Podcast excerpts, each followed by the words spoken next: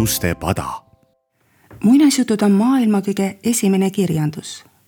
Nad on kestnud iidsetest aegadest tänaseni välja ja nad ei lõppe iial otsa. meie esivanemad jutustasid neid lõkketule ees. tänapäeval teeme neid filmideks, kuid jutustame ikka edasi ja loeme neid ette. muinasjutud on sama vanad kui inimene.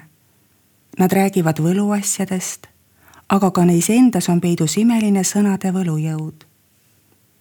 lapsed armastavad neid kuulata ja täiskasvanud neid ette lugeda, sest nendes on kirjas meie loomus, meie unistused ja usk sellesse, milline maailm on õige ja hea.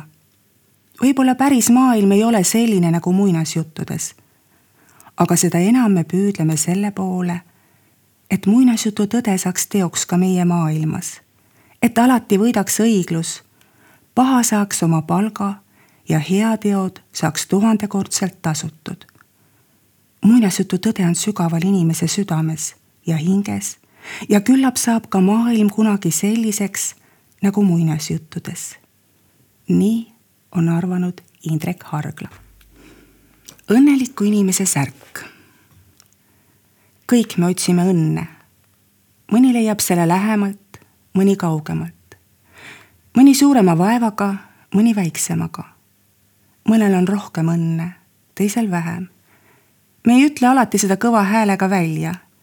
näiteks kui keegi läheb ülikooli arstiks õppima, siis ta ei ütle, et ma lähen õnne otsima. aga selge on see, et ta tahab ju tulevikus töötada nii, et oleks õnnelik ja suudaks oma oskuste ja teadmistega ka kedagi teist õnnelikuks teha ja õnnelik inimene võib kellegi terveks teha isegi siis, kui ta pole ise üldsegi arst. kunagi juhtus, et üks kuningas jäi raskesti haigeks. kutsuti kõiksugu arstid ja targad kokku, prooviti ikka ühte kunsti ja teist, ei midagi. haigus läks ikka rängemaks ja tegi meeste nõu ahtamaks. viimaks tuli, kes teab kust maailma otsast üks hirmus tark ja kuulus arst võib-olla Soome tuuletark ise, kes oma ametit põhjani mõistis.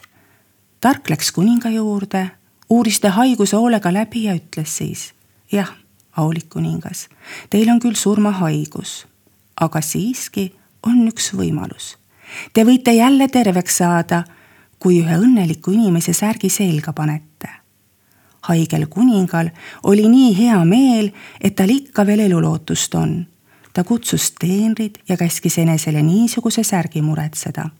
no kõigepealt alustati õukonnast, küsiti küll ühelt, küll teiselt, aga oh häda, kõigil mingi mure.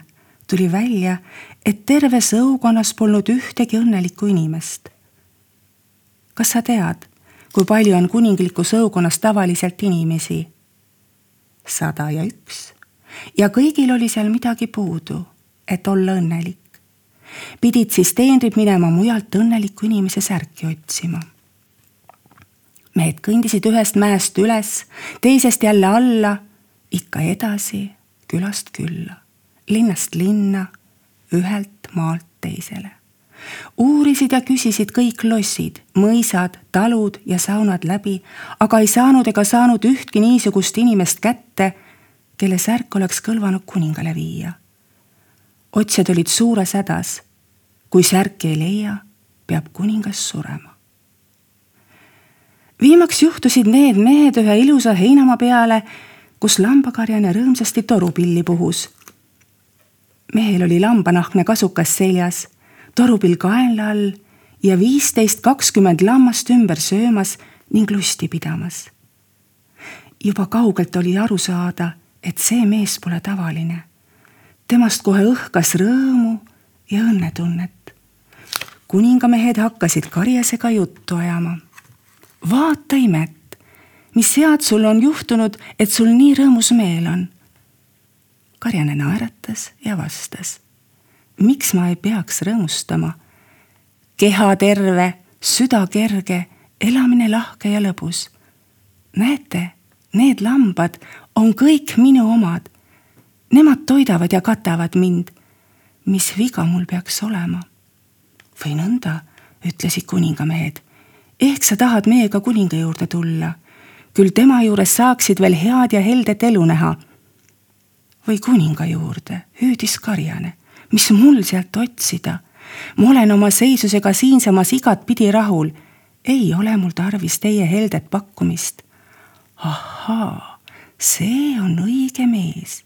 niisugust me just otsimegi ju, mõtlesid kuningamehed Nad rääkisid Karjasele nüüd oma kuninga haigusest ja laususid. niiviisi seisavad asjad. ole hea mees ja anna meile oma särk laenuks. küll kuningas sulle ausasti tasub. karjane vaatas meestele kohkunult otsa.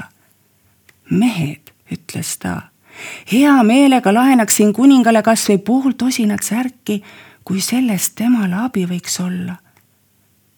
aga vaadake ise kulla inimesed ja karjane tegi kasuka eest lahti. ja sina helden aeg, mehel ei olnudki särki olemas. ta oli nii vaene, et tal polnudki särki. kuningamehed ehmusid ära. mis nüüd teha? kuidas sa lähed lossi tagasi ja ütled, et on üks õnnelik inimene, aga tal polegi särki? Niiviisi võib valitseja juba ehmatusestki ära surra.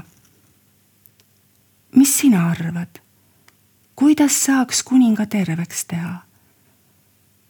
tavaliselt olenebki kangelaste saatus jutustaja või kirjutaja tahtest.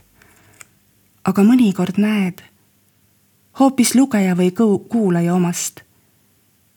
see lugu on sinu lõpetada.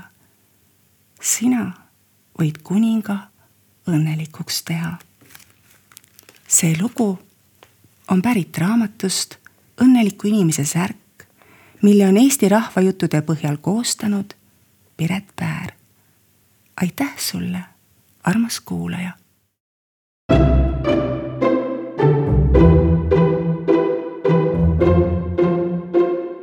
pajatuste pada